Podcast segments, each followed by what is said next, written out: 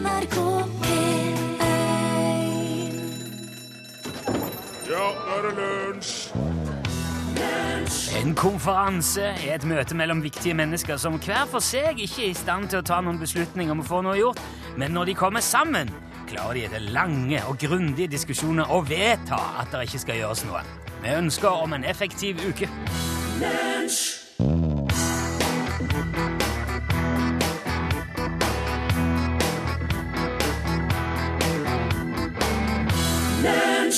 Du har hørt The Police synge di-do-do-do-di-da-da-da i lunsj i NRK P1. Jeg kjenner at jeg blir rørt over den låttittelen.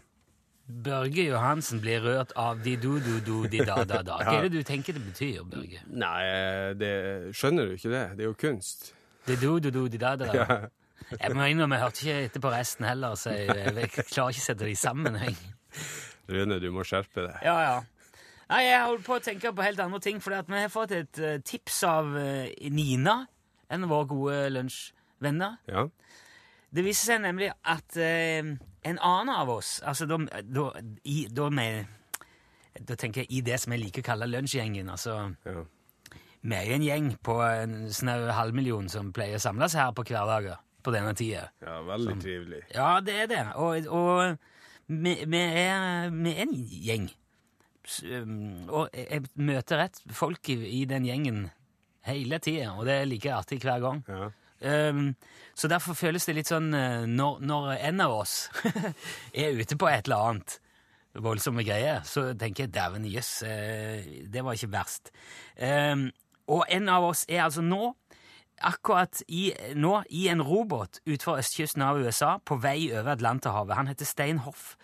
Han er 70 år gammel, en pensjonert lege, nærmere bestemt spesialist i indremedisin.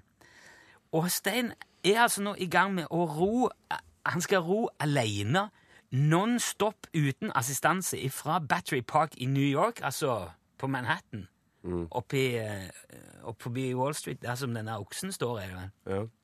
Nei, det er vel ikke det heller. Jeg er ikke så lokalkjent. Nei, det er der den der eh, glo, svære globusen står. Den står sånn svær jord, en sånn klode, inni Battery Park der. Han, eh, han la ut der den 15. mai og skal ro til Hugh Town i eh, ja, Hva var det heter? Silly Islands? Silly Islands, ja. Ja. Jeg syns jo det navnet var litt artig.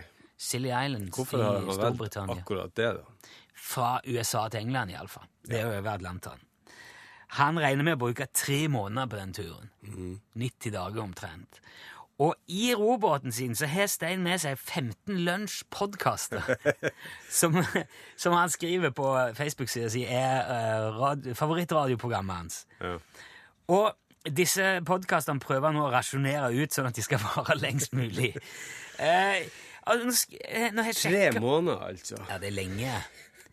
På fredag skrev Stein på sin side at han er litt skuffa over at musikken er tatt ut av podkastene, for det han hadde sett fram til å ha med P1-musikken der ute på Bøljan Blå.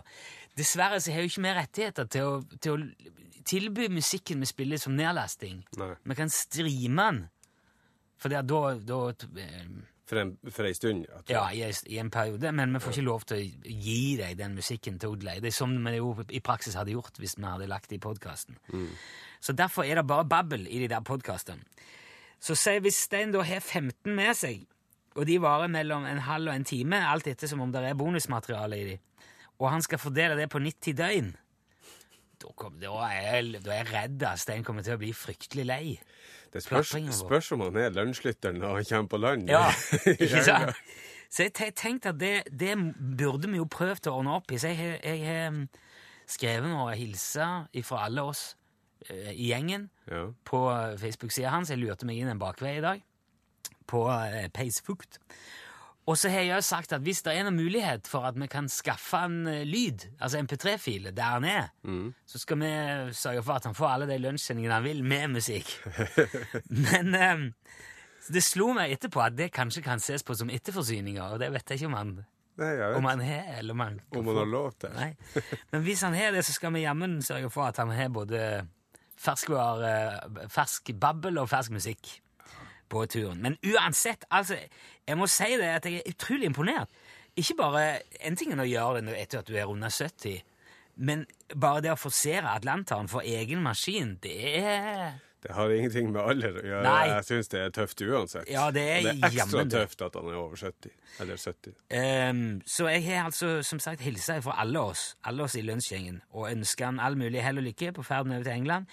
Hvis du vil se hvor han er, og hvordan det går, så ligger det ei lenke på eh, Lunsj sin egen Peisfukt-side, hvor du kan Ja, han skriver ganske jevnlige oppdateringer og ser hvordan det står til, og hvordan været er, og hva han tenker på, og hva han driver med. Så han har internett, altså. Han må jo ha det på et eller annet vis, men kanskje ikke veldig sånn last ned musikkbåndbredde, jeg vet ikke. Ikke noe Netflix. Nei. Nei, men vi får se nå hvilke muligheter vi har. Men hvis vi kan hjelpe Svein, lover jeg vi skal gjøre det vi kan. Hellbillies, Mørkemann eh, Altså, vår norsk-amerikanske venn Charlie Rackstead er jo kjent for å oversette norske klassikere til amerikansk. ja. Framfør de som country. Men det der er jo noe med nordmenn har veldig lang erfaring med andre veien. Altså, Krasa van Steinbu er jo òg av, av Hellbillies er jo også egentlig amerikansk. ja. Vi drev ve- veldig mye og oversatt amerikanske låter til norsk. Ja, amerikansk og engelsk. Det var noe sånn uh, omtrent den norske popindustrien starta. Ja, ja, ja. Og i, eh, jeg vet at i, i gamle dager, så når, når noen hadde en hit i England, for eksempel, så sendte gjerne plateselskapet over hele arrangementet og alt Ja. til Norge. Så Arne Bendiksen og sånn og sa Kan du Ja. bruke den? Vær så god. Og så eh, fikk de noen til å skrive en tekst. Ja. Sånn de lagde Langt hår til Stein Ingebrigtsen. Ja. Da, Og eh, fru Johnsen, som vi snakka om Ja, ja, ja. forrige uke. eh, men da har det jo ikke vært altså Charlie Rackstead skriver jo gjerne for å, i sånn forbrødringens ånd for å, for å hjelpe amerikanerne å forstå hva de norske sangene handler om. Mens eh, målet vel først og fremst for norske artister har vært å, å bare få en hit.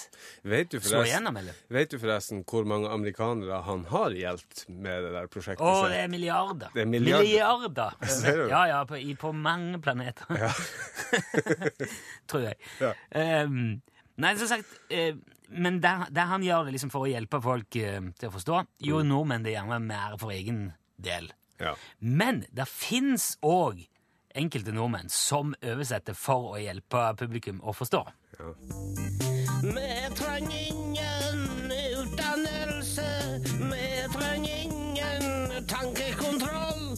Ingen mørk sarkasme i klasserommet. Lærer låt oss barn få være i fred.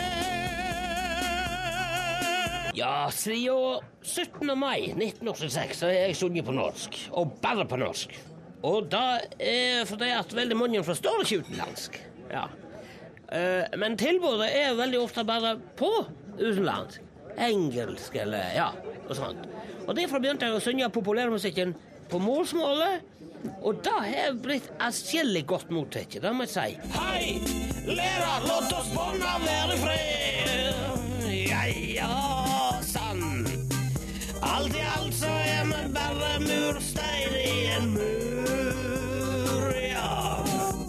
Senest i 2003 så fikk jeg postkort fra Matilda Vatnarsnosdal i Skjåk.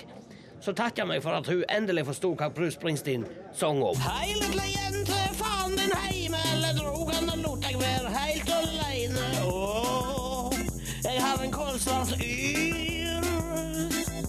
Åh, jeg er i fyr.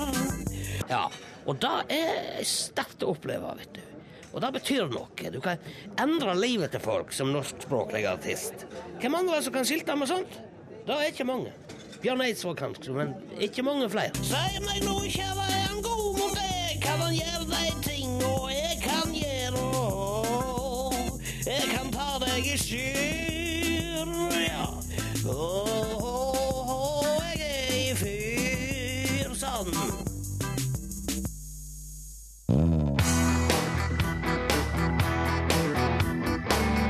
Fun! Det er moro, den der. ja, den er Det så er fun. steike artig. Som Nights heter den. Det er bandet som heter Fun. De har sikkert mye moro. Lunsj, radiogram 73, 88, 14, 80 Hei, Rune og Børge. Hei. Det er Jan Ivar som ringer. Jan Ivar? Har dere tenkt på om det er sånn at den som vil være alles venn, til slutt blir ingens venn? Ha ei en fin uke. Takk. Nei, det har jeg ikke tenkt på. Nei, eh, jeg kom til å tenke på et annet ordtak eh, som er Hvis du ikke står for noe, så faller du for alt. Ja, ja. Som er kanskje litt i samme gata. Altså Ja, ja sånn, ja. Du, hvis du, for hvis du skal være inne med alle, så må du på en måte Ja, altså hvis, hvis eh, jeg skulle være kompis med deg og Torfinn, og dere var fundamentalt uenige i saka, skulle være kompis med begge, så hadde jeg jo nødvendigvis gjort meg til uvenns med dere begge òg. Ja, kanskje det, ja. Ja. Så det er, så det er eh, Jan Ivar sier, at eh, du må pinne stå for ting. ja. Ja. Og det er jo en bra ting. ja, Det støtter vi. Ja, ja, ja. ja. Det var godt uh, sagt. Ja. Ja, jeg fikk, Du fikk noe å tenke på. ja, jeg gjorde det. men- Nei, men man kan jo ikke være til lag så at alle kan, ingen gjelde. Hei. Uh, Jeg har bestandig hørt at det skal være forbudt å sende kontante penger i konvolutter i posten. Og dere er jo så flinke til å finne ut av ting. Særlig når jeg ikke finner ut av det på Google. Jeg lurer på medfører det riktighet? Og i så fall, hvorfor er det forbudt? Takk for svaret på forhånd. Hei. Hei. Ja, nå er, er dette håper jeg du vet. så Ja, jeg, eh, og jeg, jeg tror ikke det er forbudt, det er bare fraråda. ja. Jo, for det er vel, man kan vel strengt tatt ikke forby Nei, da må de jo åpne posten og sjekke det. Ja. Så jeg, jeg tror ikke det, det er forbudt. Men uh, du har jo eh, Du bærer jo risikoen sjøl, da, hvis posten blir borte. ja. Eller at uh, noen er og snoker i postkassen din. F.eks. nå i, altså i vår i konfirmasjonstiden. Så kan det jo være kanskje noen som tar en ekstra kikk på eller innholdet i postkassen din i fall det er noe som ligner på et telegram der. Jeg har fått penger, eller mine barn har fått penger i posten. Ja, jeg har både fått og sendt penger i posten. Ja, så det, det er vel eh, Jeg tror det er sant du sier, at det ikke Det kan, kanskje forby forby det. Nei. Det er jo en lovlig vare, mest sagt. Men ja. om hvor smart er det Men du kan sende sånn der rekommendert med sporing og sånn, kanskje. Ja, sender du det som pakke, så tror jeg også Posten har noe erstatningsansvar hvis du blir borte. Tror jeg. Ja.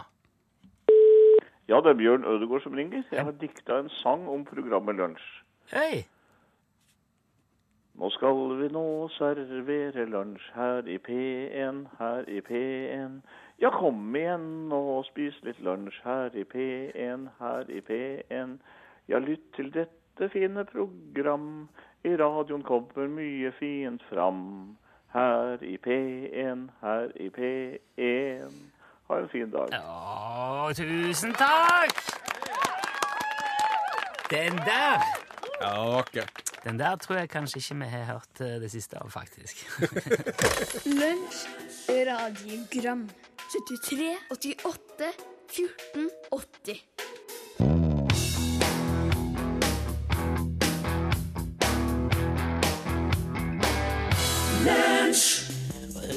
som ei skjønnhetsdronning på en kinoskjerm. Jeg sa det bryr ikke meg, men hva mener du med at det er meg som skal danse rundt på gulvet i en ring? Og folk sa alltid til meg, forsiktig hva du gjør, ikke fer rundt og knus hjertet til folk. Første turné med Riksteatret hadde jeg i 92. Da spilte jeg ni forskjellige forsamlingshus i Nord-Trøndelag. Det var helt spesielt.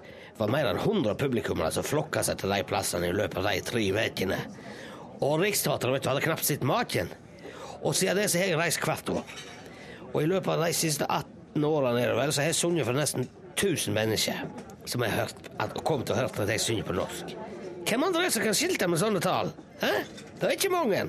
Bjørn Eidsvåg kanskje, men det er ikke mange flere. Og folk sa alltid til meg, takk for hvem du elsker, forsiktig hva du gjør, for løgna kan bli sant. He, he, hei, Bente Jensen er ikke min kjærest, det er bare ei jente som sier at det er meg, men det er Det er klart at noen blir sure og sier at jeg ødelegger Sonjane og mangler respekt og sånn, men det bryr ikke jeg meg om. Hun dama fra Sjokk er beviset på at det jeg gjør, er viktig. Norsk er det beste språket. Og jeg kommer alltid til å synge på norsk. Og det er det ikke mange andre som kan si. Kanskje det Eidsvåg, men ikke mange andre, altså. Nei. Mamma, jeg er nett drept en kar. Stappa børsa i hodet på han og trakk av, så nå er han daud. Og Hold kjeften på deg! Hva er det som er problemet her?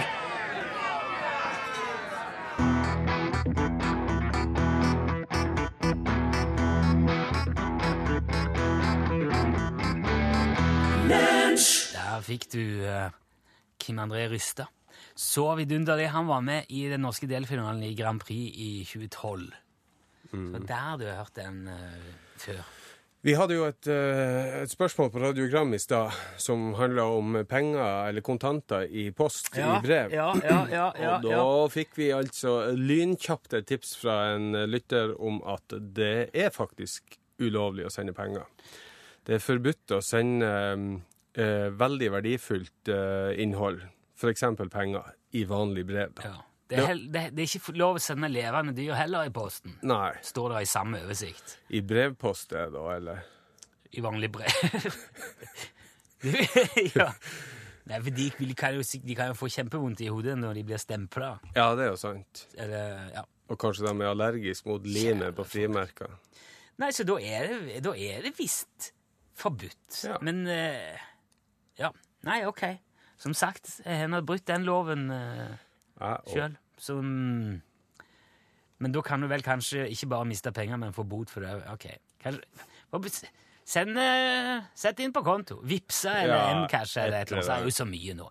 Du, det var ikke det egentlig, men Da har vi fått spesifisert det. Men Ja. det som eh, er vel så viktig, er at i dag er det jo mandag, kompiser!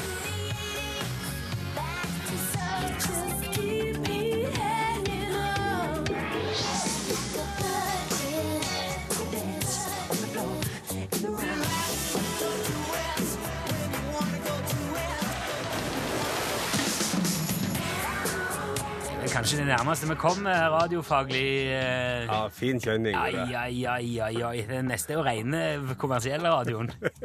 Av og til er det så godt. I dag har jeg tenkt å tøye 80-tallsbegrepet litt grann, og spille en låt som teknisk sett er fra 70-tallet. Ja. Men jeg oppdaga den først tidlig på 80, så jeg har bestemt at det må være helt innafor. Det er en 80-tallslåt. Ja, for meg er det det. Den ble opprinnelig skrevet av Russ Ballard og gitt ut uh, første gang i 1975 av det britiske glamrock-bandet Hello. Uh, men vi skal høre versjonen til Ace Freely. Mm.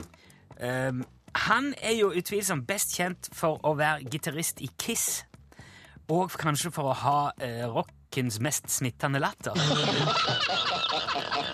Ace Frehley.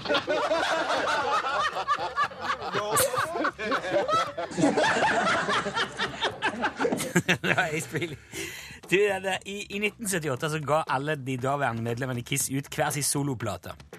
Da hadde de gjort det sylskarpt. I løpet av 77 tjente de over 10 millioner dollar Ja. på å spille rockemusikk. Så nå ville de vise fram litt av sine personlige musikalske preferanser. Så de platene ble sluppet alle sammen på samme dag, og ingen av dem var med på de andres plate. Så det kom fire soloplater. De så ut akkurat som Kiss-plate Samme liksom, De var i Kiss-sminke, oh, ja. men det var bare et portrett av hver av de Ja. på framsida. Uh, og så tror jeg det var de het uh, Paul Stanley, Gene Simmons, Peter Chris og Ace Freely. Ja. Platen, at det var liksom tittelen på Godt platen. planlagt. Noe sier meg at de ikke nødvendigvis brann inne med ei hel skive, alle det, fire. Det ble eh, det, det, de, de gikk veldig bra, og de satsa knallhardt eh, på de på plateselskapssida og de solgte veldig bra. Um, Paul Stanley og Ace Freely sine plater det var de som var mest låt mest som Kiss, da. Altså gitarbasert rock. Ja. Peter Chris laga mer eh, R&B-plater. Ja vel. Og eh, vi hadde masse ballader med. Gene Simmons var overalt musikalsk. Der er det alt fra hardrock til Beatles-inspirert pop og en coverversjon av eh, When You Wish Upon a Star fra Pinocchio. When you wish upon a star Og han hadde med seg masse kjente gjesteartister. Joe Perry fra Aerosmith, Donna Summer var med, Bob Seger, og ikke minst hans daværende kjæreste Cher. Bidro på plata. Som sagt så solgte alle disse soloplatene masse, men det var Ace Freely sin som gjorde det aller, aller best, og denne låten ble òg den eneste hitsingelen ifra de eh, platene. Her er ifra Ace Freelys soloplate Ace Freely, New York Groove.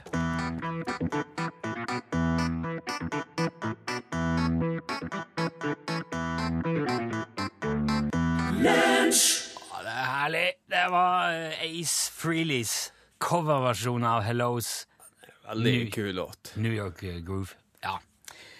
Uh, ja, et lite strakk 80-tallsbegrep. Litt langt, men uh, det må være lov på en Mandag. i mai. Du har fått en e-post fra Torbjørn som er ganske oppsiktsvekkende. Jeg må nesten bare lese hva Torbjørn skriver. her. Ja. Han skriver Hei, Bør, eh, Rune og Børge. Hei. Hei. Ivrig lytter av lunsj. Takker for et kjempeartig radioprogram. Du er vel bekomme. Sjøl takk. Eh, Torbjørn er student, holder på med siste innspurt før eksamen og fremføring av årsoppgaven. Hører ofte på podkasten deres mens jeg arbeider. Nå holder stresset på å sette inn for alvor, og det har blitt veldig seine kvelder. Mye koffein Ja. for å prøve å komme i mål. Og det har medført en litt underlig konsekvens som kanskje kan være interessant å nevne for dere. Jeg har fått oppleve noe som kalles exploding head syndrome. Det høres veldig alvorlig ut. Eksploderende hodesyndrom. Ja. Um, ja, det er drøyt. Men han har jo greid å skrive e-post etter det har skjedd, og Jo, ja. tydeligvis Og... Det er ikke sånn bokstavelig Han eksplosjon. har berga. Ja. Eh, Torbjørn skriver videre Jeg har tidligere drevet med litt mental trening for å lettere kunne huske hva jeg har drømt, og kan derfor erindre å ha opplevd mye rart i søvne. Jeg har blant annet drømt at jeg våkna opp, sto opp av sengen, spiste morgenmat, pussa tennene, for så å våkne på ordentlig og måtte gjøre hele greia om igjen. Irriterende. ja, det er ikke noe særlig for et B-menneske som meg. Men EHS, Exploding Head Syndrome, må være noe av det rareste jeg har opplevd så langt. Det er ifølge Wikipedia et fenomen som kan påvirke ca. en femtedel av oss, og utløses gjerne av stress og angst. Dette her er sjekka, det, helt, det stemmer på en prikk. Ja. Eh, det som skjer, er at noen ganger når jeg dagdrømmer eller døser i halvsøvne, helt på kanten av å sovne, og mm, Sånn som man gjerne gjør eh, når man prøver å sove etter å ha drukket for mye Red Bull eller forgjeves prøver å holde seg våken mens man leser tørr faglitteratur, så våkner jeg av et fryktelig smell! Nei, pokker altså, den, Et fryktelig smell! Tulling. La meg ta et eksempel, skrev Torbjørn. For et par dager siden lå jeg i halvsøvne på sofaen og hvilte øynene. Husker ikke hvor lenge jeg lå der, eller hva jeg tenkte på eller drømte om, men helt ut av det blå kom der en fyr inn i stua og klaska flathånda hardt i stuebordet ved siden av meg med et skarpt smell, så jeg skvatt skikkelig. Men da pulsen kom ned under 200, og jeg kikka meg rundt, var det ingen der likevel. Hadde drømt hele greia. Ja. Årsoppgaven min på skolen er kort fortalt å designe en elektronisk dings. For tida så er mye av min mentale kapasitet øremerka det prosjektet. Så da jeg lå i senga sent i går kveld, og koffeinrusen nekta meg å falle i søvn, var eh, det selvsagt dette prosjektet hjernen min drev og kverna på. Og helt plutselig kortslutta hele dingsen og eksploderte med et smell og et blendende blått lys. Så jeg skvatt ut av senga og ble stående på gulvet i tussmørket, vettskremt, forvirra. Det var òg en drøm. Selv om det ikke føltes sånn da det skjedde. Og det var, skrev Torbjørn, en helt øredøvende brak. Eh, Jeg sto en gang i nærheten av et bildekk som eksploderte, og det er det eneste jeg kan sammenligne med. Og det har skjedd et par-tre ganger til, men det er litt vanskelig å huske alle detaljene, så de får utebli, skriver han. Og så skriver han også at dette høres kanskje leit og vanskelig ut, men han tar det ikke ille opp. Sant å si jeg er mer fascinert enn plaga av fenomenet, og siden jeg er 100% sikker på at det skyldes stresset og søvnmangelen jeg har utsatt meg sjøl for, så finner jeg eh, ikke noe bekymringsverdig med dette i det hele tatt. Veldig glad for at du bruker det ordet, Torbjørn. Eh, så han takker igjen for et fint eh, program. Håper det går bra med Jan og Steve og Lars og Ståle. Finner ørnen sin snart. Ja. Du, tusen takk for interessant e-post. Ja, det, det der var interessant. Det står òg Jeg har jo som sagt sjekka EHS eh, på nettet òg. Og det knyttes veldig ofte til stress eller angst. Ekstreme situasjoner. Ja. Jeg har sjøl opplevd eh, um, og rett før du sovner, liksom føler at du faller. Den der eh, Ja. At du skvetter til og Ja. Men det har jeg, aldri, jeg har aldri opplevd lyd At jeg, at jeg hører liksom lyd oppi hodet. Nei. Er du? Ja, men, men det er jo, altså, når man legger seg om kvelden og det er helt stilt i huset, så, øh, så av og til kan man jo skvette til av noen lyder, men jeg har i alle fall fram til nå trodd at det var lyder i huset. ikke sant? Det knaker jo litt og sånt når Men ifølge Torbjørn så er det jo sånn øredøvende, sånn uh, ja, jf. et bildekk som ja, eksploderer. Nei, det, det tror jeg ikke jeg har opplevd. Veldig interessant, og forhåpentligvis, eh, hvis det er noen andre som har opplevd det samme, kan det kanskje være til hjelp. Torbjørn, tusen takk for uh, interessant mail. Ja. Nina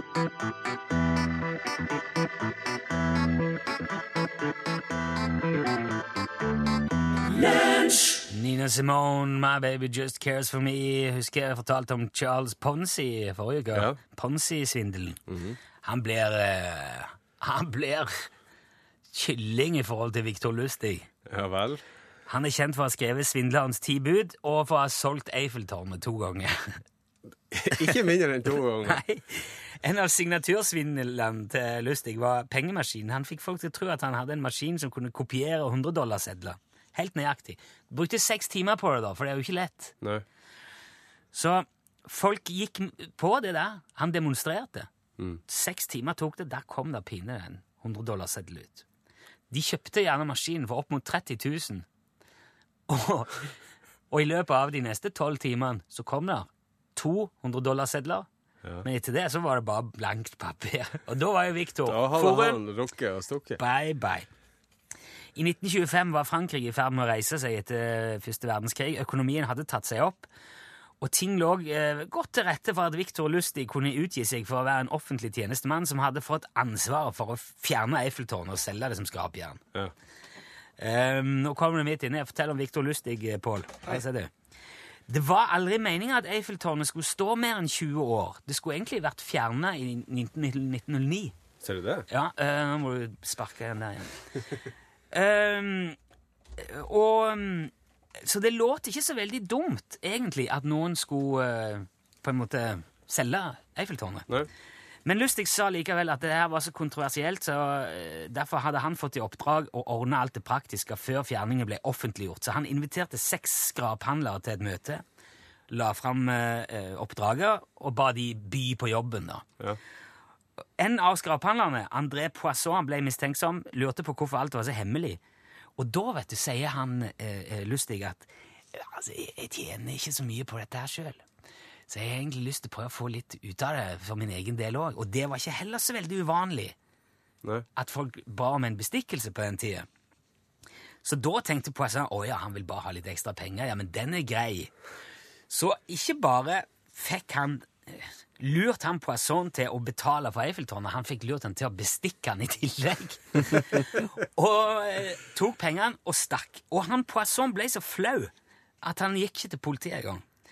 En måned senere var dermed Lustig tilbake i Paris. Seks nye skraphandlere. Samme tårnet.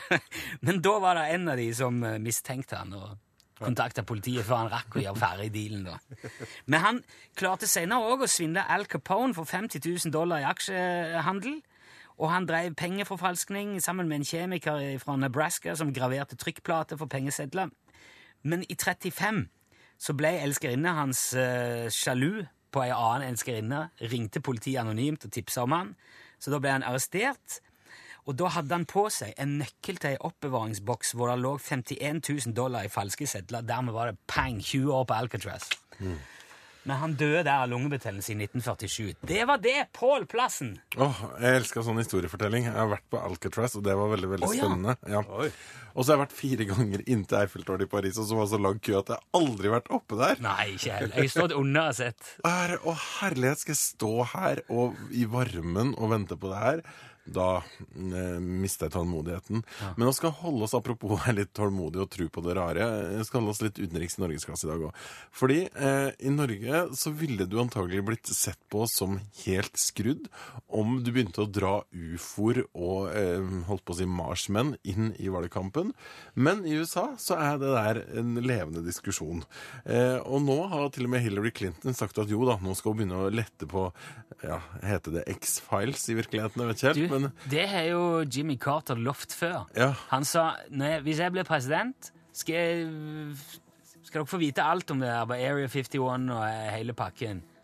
Så ble han valgt, og så sa han sorry, det går ikke likevel. Men jeg, jeg merker at jeg blir nysgjerrig på det òg. For at jeg har lyst til å bare fnyse og, og, og le av det. Men samtidig så blir jeg veldig nysgjerrig på hva er det de har i arkivene sine som er så hemmelig, da? Ja, jeg, Kanskje jeg ikke en dritt det er derfor de ikke kan offentliggjøre det. Eller kanskje det er så flaut i dag, så mange år etterpå? De har brent av milliarder av Men dollar. tenk hvis det viser seg at vi ikke var alene. Hvor tror, hadde folk takla fått vite det? Nei, det er nettopp det. Kanskje det er en av de hemmelighetene du får vite om du blir president i USA. Vi er jo ikke alene. Det er jo helt umulig. Ja, der sa han et sant ord. Hør flere podkaster på nrk.no podkast.